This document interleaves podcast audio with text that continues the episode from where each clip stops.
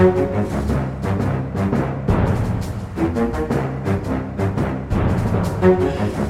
setter vi i gang med en ny episode. Aftenpodden USA. Kristina Pletten er på plass i Oslo som vanlig. God dag, god dag, Kristina. Hei, Øystein. Kan du se at jeg har blitt litt brun? Jeg kan se at du er litt brun. Jeg vet ikke om det er filter. Jeg syns jeg ser litt brun ut òg. Kanskje det bare er noe med lysforholdene i rommene i dag. Ja, men du driver jo og reiser til Florida sånn hele tiden. Mens Ja. jeg sitter jo bare her i dette klesskapet, men har altså klart å få bitte lite grann sol på ansiktet. Så det er jeg litt kry over, da. Ok, Så det er ikke sånn høyfjellssol du har kjøpt? Du har ikke utstyrt klesskapet med høyfjellssol, og så bare går det av seg selv? Nei, men det er jo en idé. Det er en idé. Ja, det er absolutt det er så mye tid som du tilbringer der. Veldig, veldig bra. Jeg er eh, ikke i Florida, da, men jeg er i det mer eksotiske del av USA enn jeg pleier å være. Jeg er i Tennessee, i åsene der, helt øst i Tennessee. Fint vær her òg. Altså det er sommer, full sommer her. Jeg er jo et stykke sør og sånn. Eh, Men jeg skriver på ganske dystre ting. Eh, Sak til A-magasinet som vi skal få ut i løpet av noen uker, kanskje, kanskje måneder. Og møte mennesker som vi får si har endt opp på samfunnets skyggeside. Så vi har vært ute med politiet på sånn ride-along flere netter. Vært med på arrestasjoner. Plutselig liksom, dukker vi opp i folks hjem med et par politifolk og da to journalister på slep. Så det må være litt sånn sjokkerende. Men det er jo sjokkerende nok at politiet kommer på døra. Så det er ikke sikkert det er, ikke sikkert det er liksom journalistene fra Norge i tillegg som, eh, som sjokkerer. Men jeg, jeg kan ikke fortelle så mye om dette nå, men, men det er en link til det vi skal snakke om i dag. Eh, Som er altså våpen og, og masseskytinger i USA. Eh, For nå har vi hatt en ny eh, brutal runde med sånne massedrap, og vi må snakke litt liksom om hva som skjedde, har skjedd i Texas nå. eh, Hva vi vet om denne typen kriminalitet mer generelt, om det finnes noen fellesnevnere, om man etter hvert kan liksom begynne å forstå dynamikken her. Og så må vi være liksom innom er det noe politikerne kan bli enige om. Og en debatt jeg gjerne vil bare snakke litt med deg om, som jeg ser blusser opp oftere nå. Bør man publisere bildene av det som skjer? De mer brutale bildene av ofrene, f.eks. Um, noen mener det altså for å få amerikanerne til, til å våkne litt, for de har blitt veldig veldig vant til det her. Men først, vi får ta, bare si at eh, vi har jo fortsatt det er sånn at hver fjerde episode er åpen for alle. Og dette er en av de episodene, så denne finner man også da i Spotify, i Apple og sånn. Men vi lager altså episoder hver uke, og det kommer vi til å gjøre helt fram til valget i 2024. eh, Og de ligger alltid i, i Podme og i Aftenposten-appen. Så for de som vil høre oss hver uke, så bør de da tegne et abonnement på Aftenposten eller på, på Podme. Og det er også faktisk sånn at hvis man har Aftenposten-appen og trykker på den podkastfanen, så går det an å legge på en sånn liten varsel. Så får man en liten hastemelding på telefonen hver gang vi publiserer en episode der. Hver uke. Så bare Det et var lite lurt. tips som jeg har funnet ut. Ja, det har jeg funnet ut etter hvert. Du, det visste ikke jeg. Kan ikke du si det en gang til? Nei. Ja, altså Man kan gå inn i liksom podkastavdelingen på appen til Aftenposten mm Mhm. og finne Aftenposten, eh, Aftenpodden, heter vi, USA, og, og rett og slett bare huke av på den lille bjella der, så får man altså en melding når vi publiserer. Ok. Ja. Så blir man vekt, eller hvor man er i verden, om man sover eller er våken. Og så kan man sette seg og høre på pod med en gang. Ja. Det bør ja, folk gjøre. smart, Veldig smart. Du, eh, siden sist-spalten vår, jeg tenker jeg kan bare starte der. Jeg. Eh, det har skjedd flere ting. En mann som heter Enrique Tarjo. han er tidligere leder for denne militsgruppen Proud Boys. Han er nylig dømt for medvirkning til oppvigleri, det som kalles seditious conspiracy på engelsk, etter stormingen av Kongressen 6.1.2021. Eh, og han var ikke engang i DC. Så dette er liksom en mann som blir dømt for å være en slags bakmann, og det vekker litt oppsikt, bl.a. fordi det kan ha noen um, linjer til Trump, og hvorvidt, hvorvidt han vil bli straffeforfulgt for dette, da, til slutt. Men altså, Tario blir dømt sammen med tre andre Proud Boys for denne, denne strenge oppvigleriparagrafen, og kan få ganske mange tiår i fengsel. Det ses på som en betydelig seier for justismyndigheten i USA. Og de har også fått noen folk i en annen militsgruppe kalt Oathkeepers dømt på samme paragraf tidligere. Eh, Og jeg ser liksom på høyresiden har det vært sånn talepunkt at ingen faktisk er dømt for å storme Kongressen. Ingen er dømt for en insurrection, har de alltid sagt. Folk er dømt for liksom å bryte seg inn på områder de ikke har lov til, og sånne type ting. Mindre ting. Men det talepunktet faller jo nå helt bort. ikke sant? Det er folk som blir dømt for det aller aller strengeste Justisdepartementet har forsøkt eh, å få de dømt på. Så det blir spennende å se hva de gjør videre nå med denne Trump- Trump-saken, om det kan få noen følger for han. At de Ja. kan også dømme bakmenn, da. Ja. Og den ligger jo i Justisdepartementet, så vidt jeg forstår. Og det er de som Ja, til syvende og sist vil bestemme om de skal straffeforfølge også Trump. ja, Ja. sant. Vi har jo snakket en del om senator Joe Manchin på denne podden før. Han er eh, veldig moderat, altså langt til høyre på, i Det demokratiske partiet, fra West Virginia, og har vært en veldig viktig fyr i de første årene av eh, Bidens presidentskap, blant annet fordi at han har um, satt, seg, uh, satt seg litt sånn i veien for en del av de tingene som Biden vil gjennomføre, da. Men nå får mm. han altså en utfordrer i guvernøren i West Virginia som heter Jim Justice, er republikaner. Så det kan bli et skikkelig bikkjeslagsmål hvis det viser seg selvfølgelig at Jim Justice vinner eh, primærvalget. Han må først gjennom primærvalget i sitt eget parti.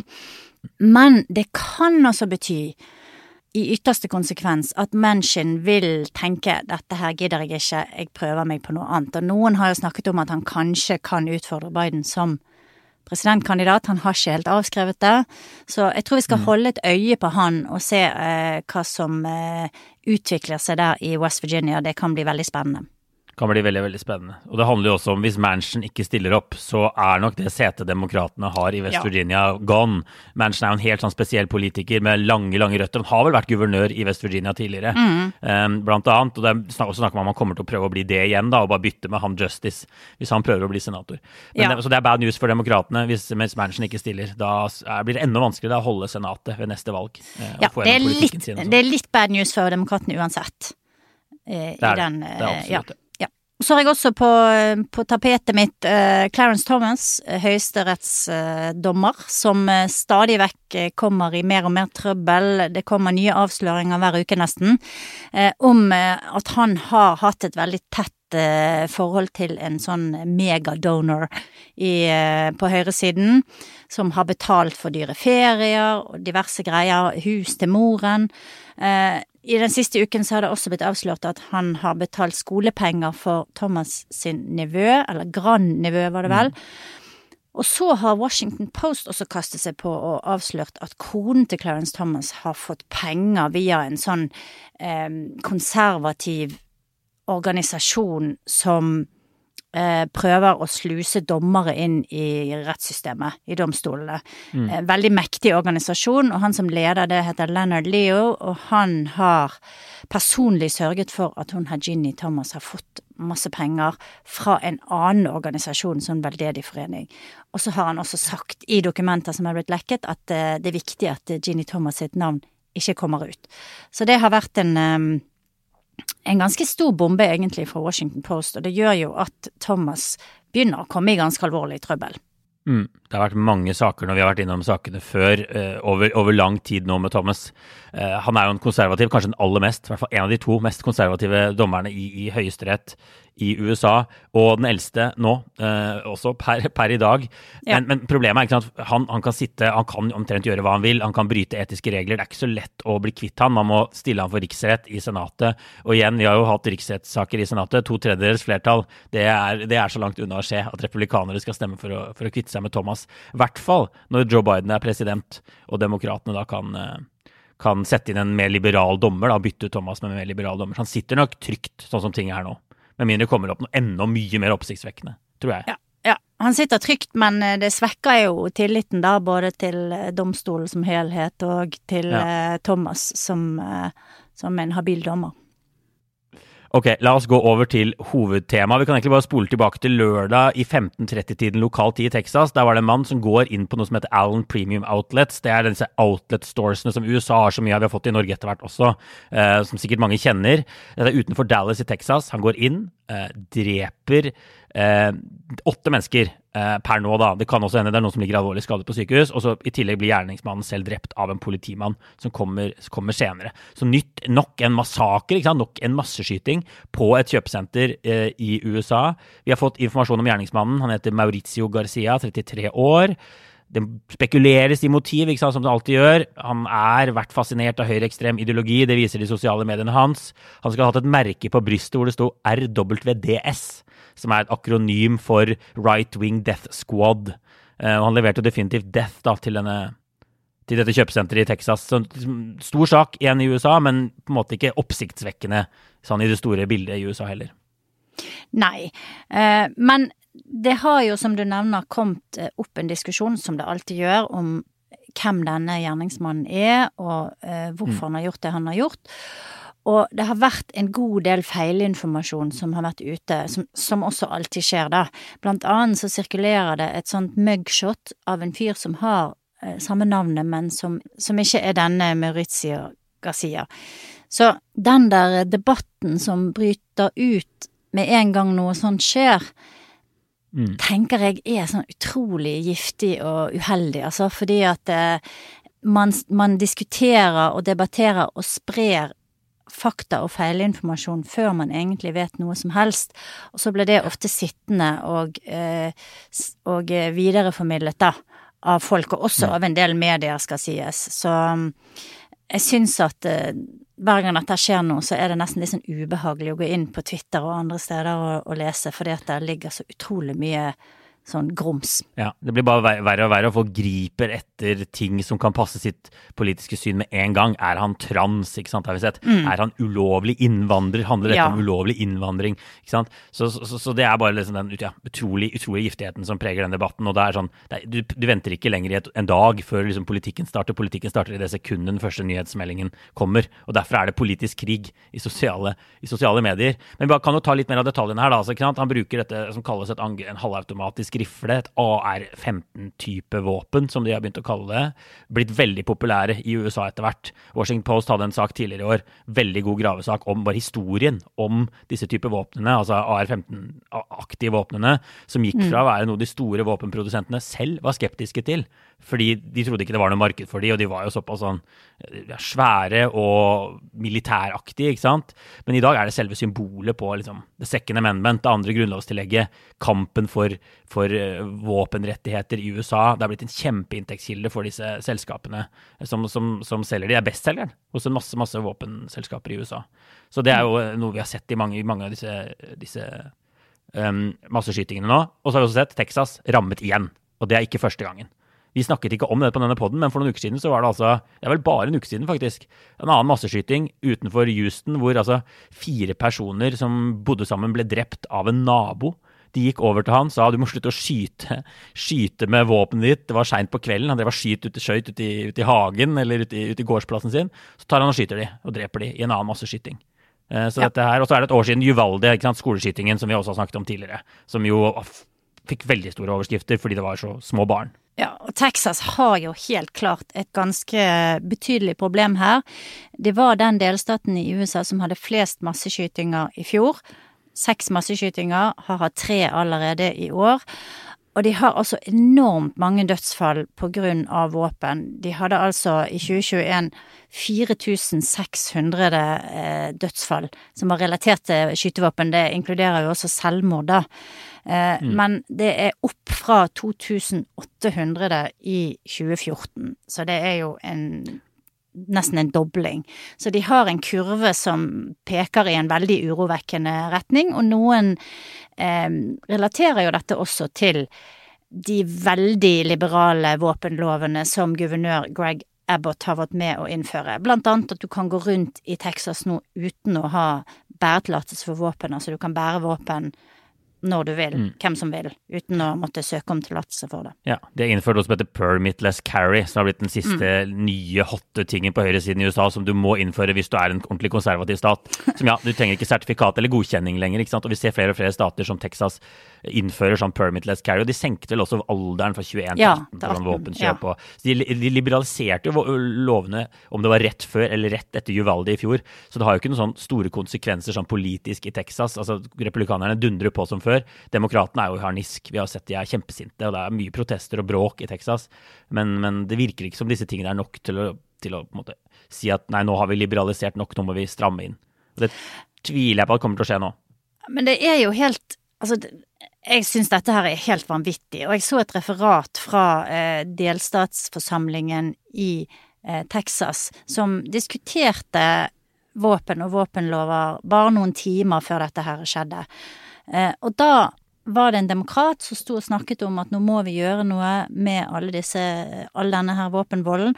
Da satt republikanerne i den forsamlingen demonstrativt og lo og spøkte og litt sånn høylytt da, vi hører ikke engang etter på hva du sier, mens demokraten sto og nærmest ropte folk dør, folk blir drept.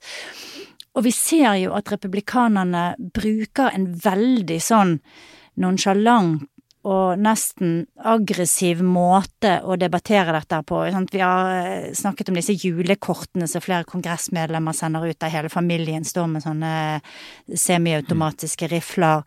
Eh, de har de i kampanjevideoene sine, de skyter på eh, targets og, og så videre. Og de har gjort det til nærmest en greie, da. At mm. eh, de gjør humor ut av dette her, og latterliggjør de som vil eh, ha strengere lover. Samtidig så viser meningsmålinger at amerikanerne blir stadig mer bekymret, stadig flere, og disse riflene som du nevner, AR-15-geværene, sier jo nesten to tredjedeler av amerikanere i en helt fersk meningsmåling at de helst vil ha forbudt. Så mm. jeg tror at kanskje demokratene etter hvert må begynne å finne andre måter å ta hardere i. Du snakket jo om dette med videoer og bilder, vi kan komme tilbake til det seinere, men på en eller annen måte så tenker mm. jeg at demokratene må finne en, en ny måte, en ny eh, innfallsvinkel, en sterkere retorikk som gjør at dette her ikke bare kan avfeies gang på gang på gang, for det er så sykt. Det er helt vanvittig. Ja. Nei, altså det, det, er, det, er, jeg enig i. for dette, som skjer i Texas, er jo bare en, en, liten, men synlig del av et mye større fenomen, mye større problem. Og så er det mange ulike definisjoner av masseskytinger i USA. så det, Vi får veldig forskjellige tall når du spør hvor mange masseskytinger mm. er det. Det er noe som heter Gun Violence Archive, som mange bruker. Og de har vel en definisjon om at hvis det er fire eller flere som blir såret, så er det en, en masseskyting eh, mm. by, by definition. Og på den måten å telle på, så har det vært 201 masseskytinger tidligere år, altså 201, som er veldig veldig mye. Det var 650 i, i, fjor, og det har økt over tid og blitt flere og flere og flere. Og så har FBI litt andre målinger, de har noe som heter Active Shooter Incidents, og der var det vel 103 f.eks., så det er betydelig lavere da, på, på den måten. og å telle på. Og så er det liksom omtrent like mange, da. Gun Violence Archive-måten å telle på. Da var det 700 som ble drept i masseskytinger tilbake i, i 2021.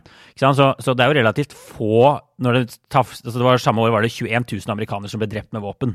Det er ikke inkludert selvmord. Så det er jo klart, mm. det er jo relativt, relativt, få, men likevel sånn helt sånn særegent amerikansk fenomen. Og jeg tenkte liksom, Kanskje vi skal snakke litt om altså, hva vet vi om hva som driver frem denne trenden? Hvem er det som utfører disse, og hvorfor? Um, mm. og, og, og, og, det er så spesielt, altså, med, med, USA. Så uh, du har jo lest litt rapporter og, sånn. Altså, et stikkord her er vel menn. Og kanskje ustabile, uh, revansjelystne menn. Ja, altså Secret Service eh, har faktisk eh, laget ganske nylig en veldig god rapport der de har gått gjennom en god del av disse masseskytingene og prøvd å lage en slags profil da på disse mm. gjerningsmennene. Og det er jo flere ting som glir litt over i hverandre. For eksempel motiv, da, så er det mange som har hevnmotiver mot arbeidsgiver mm. eller mot familiemedlemmer. Eh, men de kan også være drevet av eh, hatideologi, konspirasjonsteorier, og så kan de i tillegg ha eh, psykiske problemer. Men en av de tingene som Secret Service selv påpeker som man bør være obs på, er eh, dette med familievold, faktisk. Eh, over 40 mm. har vært involvert i vold i hjemmet. Altså har utført vold mot et familiemedlem, og det er en ganske sterk indikator samme er uh, dette her med å ha uh, uttrykt ønske om å hevne seg f.eks. overfor en arbeidsgiver. Så er det mm. ganske mange av de som har vært uh, borte i politiet før, som har en kriminell bakgrunn. Um, så det er liksom en litt sånn uh, mixed bag, da. Uh, hat mot kvinner nevnte du, det er også en ganske vanlig mm faktor for mange av disse her. Så ser du jo at republikanerne, når dette skjer, så snakker de veldig mye om eh, psykiske problemer og mental health, som de kaller det, og det er det de mener, det er der mm. de må sette inn støtet. Mens demokratene snakker veldig mye om, om våpenlover. Begge deler tenker jeg er faktisk viktig her. Og det er litt dumt mm. av demokratene å ikke ville snakke om psykiske problemer, for det er over halvparten av de som utfører disse masseskytingene, som har psykiske problemer. Så det er helt klart også en viktig faktor eh, i dette store og veldig komplekse problemet. Mm. Ja, så Du nevnte en, en, rapport fra Secret Service. USA Today er også en mm. veldig fin nettside som, som, tracker massedrap over tid. og De har også med når man meier inn i folk med en bil, eller også dreper folk med kniv. De viser jo for at ikke sant? Du har sånn som de tilfeldige ofrene i Texas. Det er, det er, ganske mye av det på det kjøpesenteret. Men, men, de fleste som blir drept i sånne massedrap, er familiemedlemmer av massedrapsmannen. Og Det får jo ja. ikke like mye oppmerksomhet, for det er ikke like spektakulært. ikke sant? Men, men det er fortsatt liksom mange som blir drept. da på, på, den måten. Ofrene er ganske unge. Det er veldig høy andel under 30 hvis man tar alle massedrapene under, under ett. Eh, og det har vel litt med liksom hvordan de blir utført. Altså veldig, veldig, Jeg nevnte menn. Altså det er stor, stor overvekt av menn. Ja. Som, står bak, eh, som, står bak, disse drapene. Det får vi bare ja, eh, si. veldig, Ofrene er mye mer sånn Offeren er mye mer sånn 50-50, ikke sant. Eh, like mange kvinner og menn omtrent. Uh, men ja, ikke sant? det de sier, er en fellesnevner også her, ikke sant? er typiske sinte, ustabile, emosjonelt, uh, ja, emosjonelt ustabile menn som vil hevne et eller annet. Føler seg ydmyket, dårlig behandlet. Og så, er det jo Det som er litt spesielt med de amerikanske massedrapene, er jo at du ofte har en kombinasjon der de dreper eh, et familiemedlem først mm. eller flere familiemedlemmer, og så går de ut og dreper en masse andre tilfeldige mennesker etterpå. Det, det er det faktisk en god del eksempler på. For eksempel eh, han som eh, skjøt eh, masse barn i Sandy Hook, som fortsatt er en av de verste massakrene. Eh, han drepte jo sin egen mor først, før han gikk og gjorde dette. Så eh, det er en del sånne ting som er ganske spesielt for disse amerikanske hendelsene i den eh, Secret Service-rapporten så er det også to ting som jeg fikk litt sånn frysninger på ryggen av. 12% sier at de gjør det fordi de hadde lyst til å drepe, og hadde lyst til å oppleve hvordan det var å drepe. Og så er det 10% som hadde et ønske om å bli berømt, eller beryktet. At navnet deres skulle ja. på en eller annen måte gå inn i historiebøkene. Så det er jo eh, også Det er ganske mange. Altså 10 og 12 og det syns jeg var en ganske urovekkende liten tidbit. Absolutt urovekkende. Mm. absolutt urovekkende. Og, og, og, det står også at de planlegger dette ofte i noen dager eller uker eller måneder, eh, de som står bak massedrap. Så det er ikke så spontant som det kanskje av og til kan virke. Eh, men, men, det er ikke så lett ikke sant, å gjøre noe med det. Du sier mentale utfordringer. altså USA Today har mm. snakket med en forsker som sier at det er en feiloppfatning at det er så lett å identifisere de på forhånd. Det er ganske lett etterpå å gå opp, her har det sviktet, dette er åpenbart en mentalt ustabil person. Men de viser at det er så mange amerikanere som oppfyller karakteristikken. ikke sant, Isolert, frustrert, sint. De har personlige kriser. De føler at noen har gjort noe gærent mm. mot dem, at de har blitt sviktet. Er, da snakker vi jo utrolig mange mennesker som er i den, de kategoriene der. Så, så denne forskeren de har snakket med, sier at det er ikke så lett å få øye på i hvert fall ikke alle disse massedrapsmennene på forhånd. Eh, det er en kjempe, kjempevanskelig jobb, og de virker ofte ganske ordinære sånn, helt fram til de utfører det de gjør. Da. Det er jo ikke alle som har rulleblad engang. ikke sant? Så det er ikke så lett å, å si at man skal satse på mental helse eller, eller, eller ha bedre overvåkningssystemer eller disse tingene her. Det er rett og slett en ordentlig sånn nøtt for USA. Og, ja, det er det. det handler jo om kultur også. Og den type, og det, det republikanerne sier, er jo ofte at, at det, kan, det har alltid vært masse våpen i USA. Mens dette problemet har vokst frem i senere tid. Derfor har det ikke noe med våpen å gjøre, derfor har det med kultur, mental helse å gjøre isteden.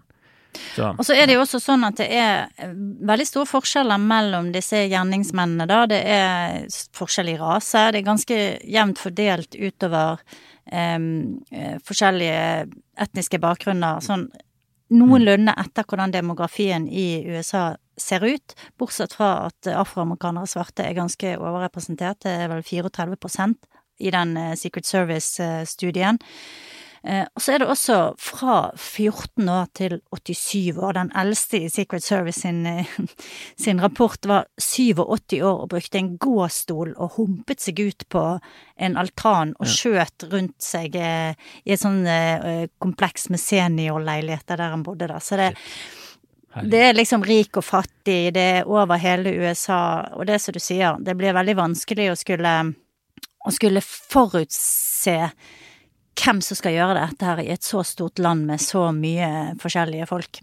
Ja, ja, vi var ute med politiet her om dagen, ikke sant, og halvparten av de tingene vi drar på, er jo bråk i hjemmet på et eller annet vis. Mm. Så du, du, kan ikke på en måte flagge alle hvor det er, hvor det er liksom et eller annet bråk i hjemmet som potensielle massedrapsmenn. Da må du bure inn ekstremt mye amerikanere i så fall. Så, så, det er liksom, ja, det er et utrolig vanskelig eh, nøtt.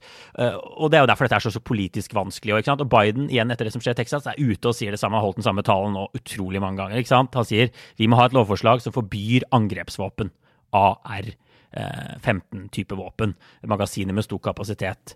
Og så må vi ha bakgrunnssjekker for alle. ikke sant, og sånn. Så det er dette forbudet mot angrepsvåpen som demokratene vil ha. da De mener liksom her nøkkelen er færre våpen i amerikanernes, amerikanernes hender. Og det er jo bare ikke sant, da går, det, da går debatten i lås med en gang, da. For det er det jo ikke jo, noe stemning for på høyresiden. Jo jo, men jeg tenker jo likevel at det er utrolig viktig at de fortsetter å kjøre på med det der. For det er jo, særlig i disse mest spektakulære masseskytingene, så er det jo ofte den der AR-15-type ja. gevær som blir brukt. Og det er ingen grunn til at folk skal eie sånne ting. Altså, hva slags grunn har folk til å skulle ha en sånn Det er jo ikke noe du kan gå på jakt med. Det er jo ikke noe du liksom Det har jo ingen praktisk betydning annet enn å plaffe ned andre mennesker. Det, det, er helt latterlig at det er, Altså, jeg kjenner jeg blir skikkelig opprørt over det der. For det er, det er så menneskefiendtlig og latterlig at de ikke bare forbyr det, at jeg, jeg har ikke ord.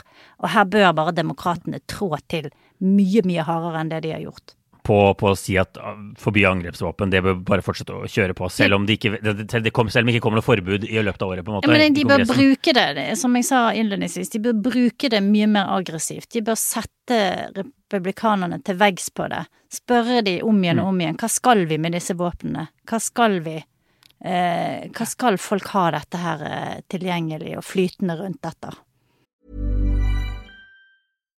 The number one selling product of its kind with over 20 years of research and innovation. Botox Cosmetic, out toxin A, is a prescription medicine used to temporarily make moderate to severe frown lines, crow's feet, and forehead lines look better in adults. Effects of Botox Cosmetic may spread hours to weeks after injection, causing serious symptoms. Alert your doctor right away as difficulty swallowing, speaking, breathing, eye problems, or muscle weakness may be a sign of a life threatening condition. Patients with these conditions before injection are at highest risk. Don't receive Botox Cosmetic if you have a skin infection. Side effects may include allergic reactions, injection site pain, headache, eyebrow and eyelid drooping, and eyelid swelling. Allergic reactions can include rash, welts, asthma symptoms, and dizziness. Tell your doctor about medical history, muscle or nerve conditions, including ALS or Lou Gehrig's disease, myasthenia gravis, or Lambert-Eaton syndrome and medications, including botulinum toxins, as these may increase the risk of serious side effects. For full safety information, visit BotoxCosmetic.com or call 877-351-0300. See for yourself at BotoxCosmetic.com. Og så sa vi jo etter Uvaldi i fjor, da det var den skoleskytingen, så var jeg i hvert fall ganske pessimistisk på muligheten for å bli enige om noe. Mm. Og så mm. ble politikerne enige om et kompromiss. Absolutt ikke noe forbud mot våpen eller noe, men de hadde noe sånn det som kalles red flag laws, da, som gjør at man lettere kan frata folk som er liksom i den trusselaktige sonen, folk som blir sett på som en trussel. Man kan frata våpnene deres. Insentivet for at stater skulle innføre sånne lover. Og så var det noe strengere for nettopp dette med vold i hjemmet. Noe strengere regler for, for hvem du kan frata våpen. Det gjelder ikke bare liksom true ektefelle, men også liksom bredere, bredere del av slekta. Da. Hvis du har truet de, så er det nok til å ta fra våpen. Så ikke sant, en, en dråpe i havet, men likevel noe republikanere, noen republikanere og alle demokratene ble enige om og stemte gjennom i fjor. Så spørsmålet er liksom, kan, er det noe mer som kan gjøres nå? Altså, er, er det noe sted hvor det er mulig jo noen landingssoner for noen kompromisser her. Uh, så du, du, er politisk sett sikkert smart å, å, kjøre på med angrepsvåpen, men det er jo ikke det de kommer til å få igjennom. Men kanskje det er noe de kan få igjennom uh, så, også. Det med bakgrunnssjekker er jo en, en, ting som veldig mange, et stort flertall av, av amerikanere er for. Ja, Som altså bare er at man sjekker liksom, kriminalitetshistorikken og, liksom, før en person får kjøpe et våpen. Mm. Ja. Og noen steder så må man jo gjennom det, og noen steder så kan man bare gå inn, og noen steder er det store sånne smutthull. Men det er jo en ting som de burde kunne bli enige om, da.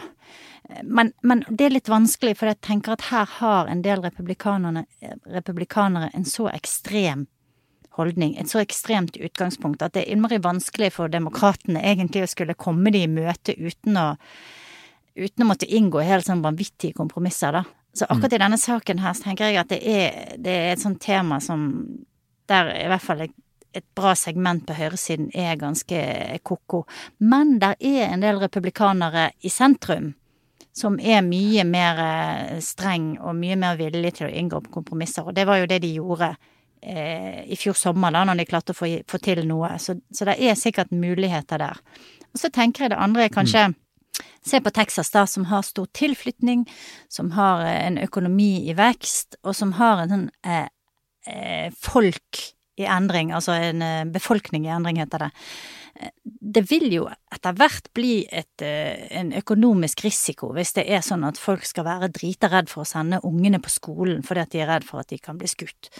Og, og folk skal være redd for å gå, gå, på noe, gå på kjøpesenteret eller gå på en konsert fordi at de er redd for at de skal bli skutt.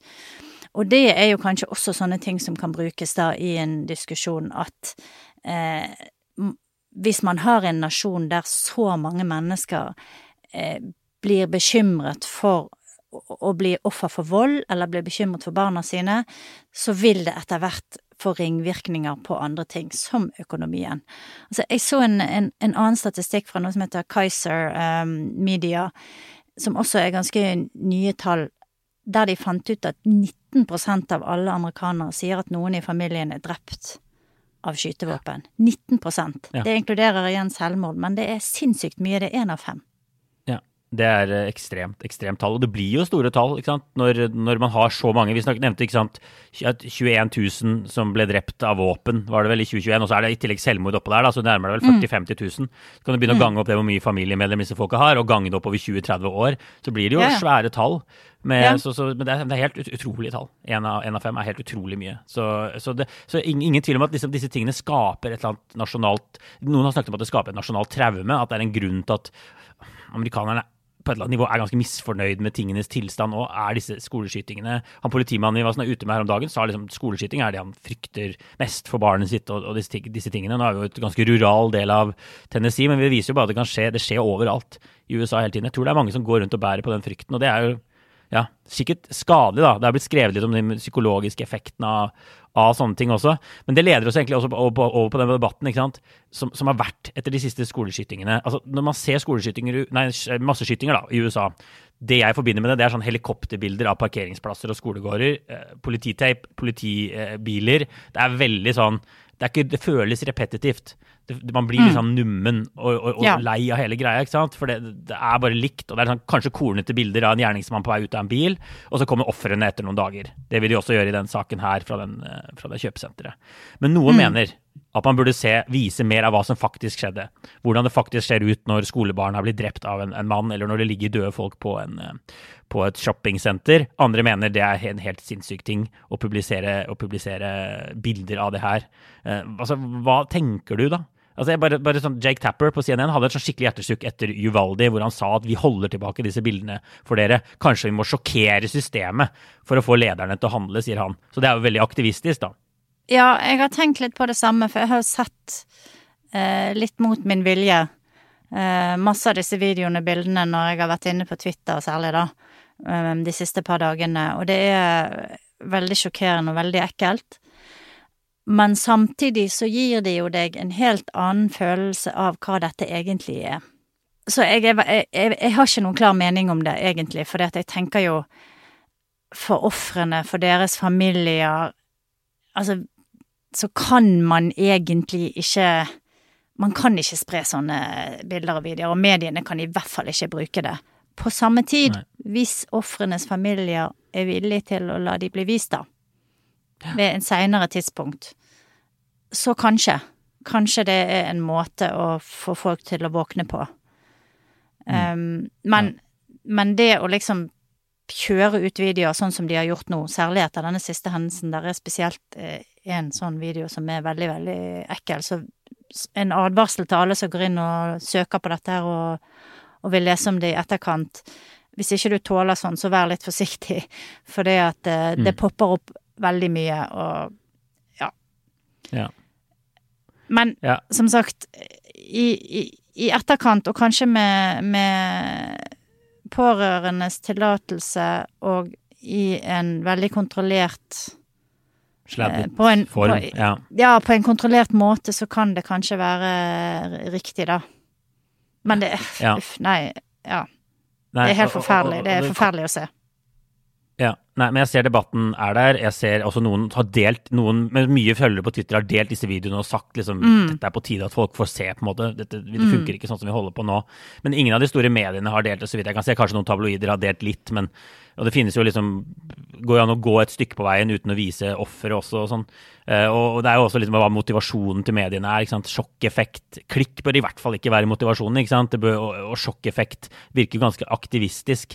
Men noen vil jo tenke liksom Man må jo faktisk vise hva som skjer her også, dokumentere det. Altså, jeg vet ikke, jeg, vet ikke, jeg syns ikke det er så lett, jeg heller. Men uh, det virker ikke som det er i nærheten av å skje nå, men folk får jo likevel se disse videoene da, hvis de vil gå inn på Twitter. Jeg, jeg søkte ikke engang, den bare dukka opp i feeden min. Ja da, ja da, dukka bare opp. Eh, men eh, det har jo vært en debatt som har vært oppe flere ganger før i andre sammenhenger. For eksempel i eh, Midtøsten så har palestinere mm. brukt bilder av eh, ofre etter bomber. Når israelerne har bombet i Gaza, ikke sant, så har de pøst ut bilder av barn og og folk som er drept, og som også er veldig groteske, men der de mener at det også er viktig for å skjønne hva som egentlig skjer. Og det er akkurat den samme veldig vanskelige avveiningen der, da, og for medier så tror jeg at det er fryktelig, fryktelig vanskelig å skulle eh, ta et sånt valg. Et eksempel der mange medier gjorde det, var jo han lille gutten i, den, i flyktningkrisen i 2015. Så var det en liten gutt som som Allan. lå på en strand, død. Ja. Eh, og det var det veldig mange medier som brukte for å, eh, for å på en måte løfte det menneskelige aspektet mm. og lidelsen ved den hendelsen. Da tror jeg familien var eh, innforstått med det og bruken av bildet, og ble også en del av historien. Og det var jo veldig sterkt, og tror jeg hadde en veldig stor effekt. Sant. Og vi har hatt en debatt rundt Utøya-bilder i Norge mm. også, som har vært vanskelig og, og, lang og interessant å følge. Men klart, masseskytinger i USA er jo litt annerledes kanskje enn Utøya også. Ja, uh, her er det noe som skjer hele tiden. Uh, ja, ja, nei, nei, men det er jo definitivt likhetstrekk, og, og, men det er jo noe som skjer hele tiden i, i, USA. og Spørsmålet er om det vil ha en preventiv effekt, på en måte, å vise disse bildene. Eller om kanskje noen til og med vil, om det kan inspirere til flere massemord. Det er jo mange, det er mange ting man ikke helt vet her også, om smitteeffekter og sånn. Eh, men ja, jeg tror vi se, vil se mer debatter rundt dette her fremover. Hvis dette bare fortsetter ja. og ikke, ingen ende vil ta, eller at det ikke blir færre masseskytinger, da, men bare flere og flere og flere. Det virker på en måte etter denne siste Den er jo på ingen måte holdt jeg på å si ekstraordinær, det ble jo fælt å bruke det ordet, men det er jo egentlig mm. en sånn masseskyting som skjer flere ganger i året, da. Men det virker som om det har kommet et sånt nytt nivå av raseri og oppgitthet over den her siste hendelsen, så det vet ikke, det Kanskje, kanskje noe er i ferd med å liksom bikke på et eller annet måte. At tålmodigheten er i ferd med å ta slutt. Det ville i så fall ikke være et minutt for tidlig.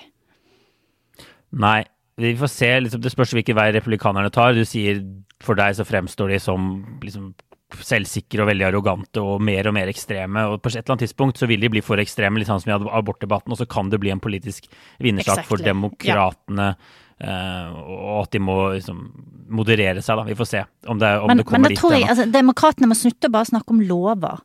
For dette er så, mm. det er så abstrakt og litt sånn Selv om det selvfølgelig til syvende og sist er det som er viktig, så tror jeg demokratene må Eh, om ikke de må vise blodige bilder, så må de snakke mer direkte om hva dette er, og hvor farlig det er, og hvor skadelig det er. Også for alle de folkene som skal være engstelige for å sende barna sine på skolen. Eh, som er noe så hverdagslig, og noe som alle må gjøre. Altså det, det De må på en ja. måte ta fatt i det der hverdagslige og nære i denne debatten, og kjøre mye hardere på det, tror jeg. Det jeg tror det er bra å sette strek der og bare ta litt obligatorisk refleksjon til slutt. Um, vil du starte? Det kan jeg gjøre, og det er egentlig en sak som har litt relevans for dagens tema. Um, han som er surgeon general i uh, USA, som vel blir litt mm. som en helseminister, uh, heter Vivek Murthy, og han skrev et innlegg i New York Times nylig der, uh, som handlet om ensomhet. Og eh, var veldig personlig. Det var veldig spesielt, fordi at eh, han skrev om det at Han har vært eh, surgeon general to ganger. Og første gangen så kuttet han liksom ut alle venner og bekjente og kastet seg inn i jobben og bare jobbet 24 timer mm. i døgnet, nærmest. Og så når han var ferdig, eh, så ble han veldig ensom og ble deprimert, og beskriver egentlig det der, og det er sånn rart å høre fra et menneske som er sånn helt i toppen, ikke sant, i Washington og har masse makt, og du tenker at de ikke kan oppleve sånne ting.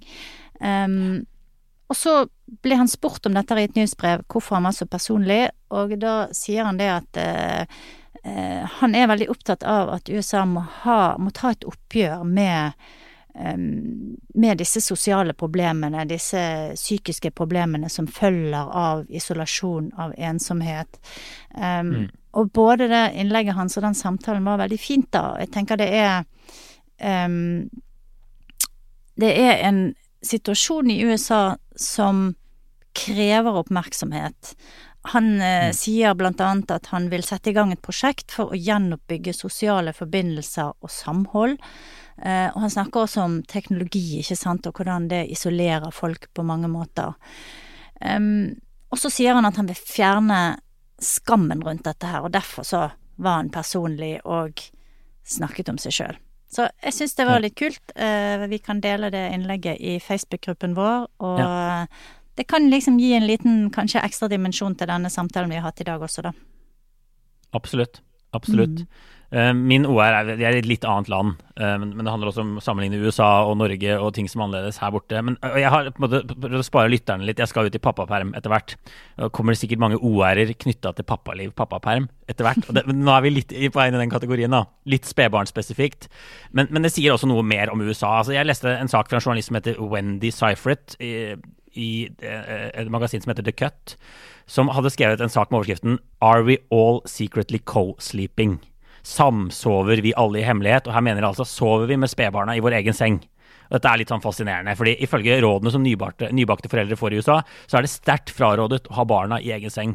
Um, altså Dette er den amerikanske barnelegeforeningen som sier, og det er på en måte de som kommer med de offisielle i hermetegn rådene her. De skriver at det må unngås i enhver omstendighet, altså å ha barna, spedbarna oppi senga under fire måneder. Eh, fordi det kan forårsake krybbedød, at barn plutselig dør, eh, at spedbarn plutselig dør. Uh, uforklarlig. Men ja. så har journalisten fått et barn som ikke sover. Hun beskriver en zombietilværelse, har ikke sovet på ukevis. Så snakker hun med en venninne som bare glatt innrømmer at hun driver med samsoving. Hun har barna oppi senga. Det er måten hun fikk barna til babyen da, til å, å, sove på. Hun forklarer da hvordan dette gjøres så trygt som mulig. Men når denne journalisten mm. går til legen og så spør barnet om det ligger i sin egen seng sånn som det skal, ikke oppi hennes seng, så tør hun ikke si sannheten. Uh, og det var litt fascinerende, for jeg, vi har jo også vært hos leger i USA og fått lignende spørsmål. og Vi drev ikke med samsoving, vi har vært ganske heldige, men vi lot av og til barna sove i noe som heter babynest, som mange barn, norske barn også ligger i på dagen og sover litt sånn i. Og det er også sånn sterkt advart imot hva å gjøre det. Hva er babynest? Jeg vet ikke hva det er for noe. Det er sånn liten, det er sånn lite, liten sånn pølse rundt der barnet skal ligge, og så er det liksom plass til barnet i midten. Eh, Ser ut som, sånn, som hunder og sånn ligger oppi. Eh, men vi fortalte til legen, og jeg tror jeg legen skrev inn i journalen vår at vi driver med unsafe baby practices. Eh, men altså hm. Det som er litt vanskelig med reglene i USA, er at de har masse regler. Og veldig mye strenge regler, og veldig mye fraråding. Ikke dyne, ikke myke vegger rundt sengen som gjør liksom at smokken ikke faller ut og sånn. Så er det litt vanskelig å forstå hva er det egentlig man kan gjøre, og det er veldig lite man egentlig kan gjøre. Og så påpeker hun journalisten at på sosiale medier så finnes det en underskog masse foreldre som sover med barn i egen seng. ikke sant? Men de bare kan ikke liksom, si det til legen eller diskutere det med offisielle. Det finnes ikke en råd rundt det. da. I Norge så er det heller ikke anbefalt å ha barn i egen seng, men det er mye mer sånn pragmatiske råd. Skal du gjøre det, står det, ikke sant? så bør du gjøre det sånn og sånn og sånn. Følg disse reglene. Uh, ja. så, så, så, jeg vet ikke. Alt barneutstyr her borte er også utstyrt med enorme advarsler. Det henger sånne warning, mange mange sider med sånn tøyadvarsler i barnevogna og sånn, som man må lese. Uh, så, så, jeg vet ikke. Altså, det er vanskelig å være foreldre i USA, da. Uh, og det er et svært land, og de må kanskje ha så firkanta ting, men det er veldig typisk amerikansk, føler jeg. Uh, og så på en måte må man bare se bort fra de offisielle rådene, da, og finne ut av ting på egen hånd. Ja, så du kan ikke ha ungene dine i din egen seng, men du kan gå og kjøpe deg en kjempestort automatgevær og ha ja, det liggende ja. hjemme. Det går helt fint. Og ha det i nattbordskuffen. ja, det går helt fint. Nei, men jeg tenker sånn sant? USA burde hatt andre regler. De burde vært litt mer pragmatiske, sånn som i Norge. Gjøre livet litt enklere for foreldre. For det er veldig frustrerende å være forelder. Og mange opplever ikke sant? Barnet får ikke sove i den senga uten dyne, uten noen ting som, som man skal følge, følge, myndighetenes råd gjøre. da.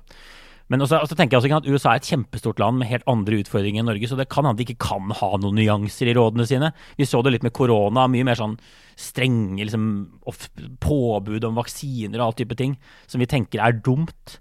Men det er kanskje sånn det må være. Så jeg, jeg vet ikke helt hva jeg tenker, men jeg skal legge ut en artikkel til den, eller en lenke til den artikkelen hennes. Veldig interessant å se på de der forskjellene der, og hvordan de håndterer det. Mm. Du, jeg tror vi setter strek der. Det var nok babyliv. Uh, og så er vi tilbake om en uke med en ny episode av Aftenpodden USA, og inntil da får alle ha det bra. Ha det, ha det.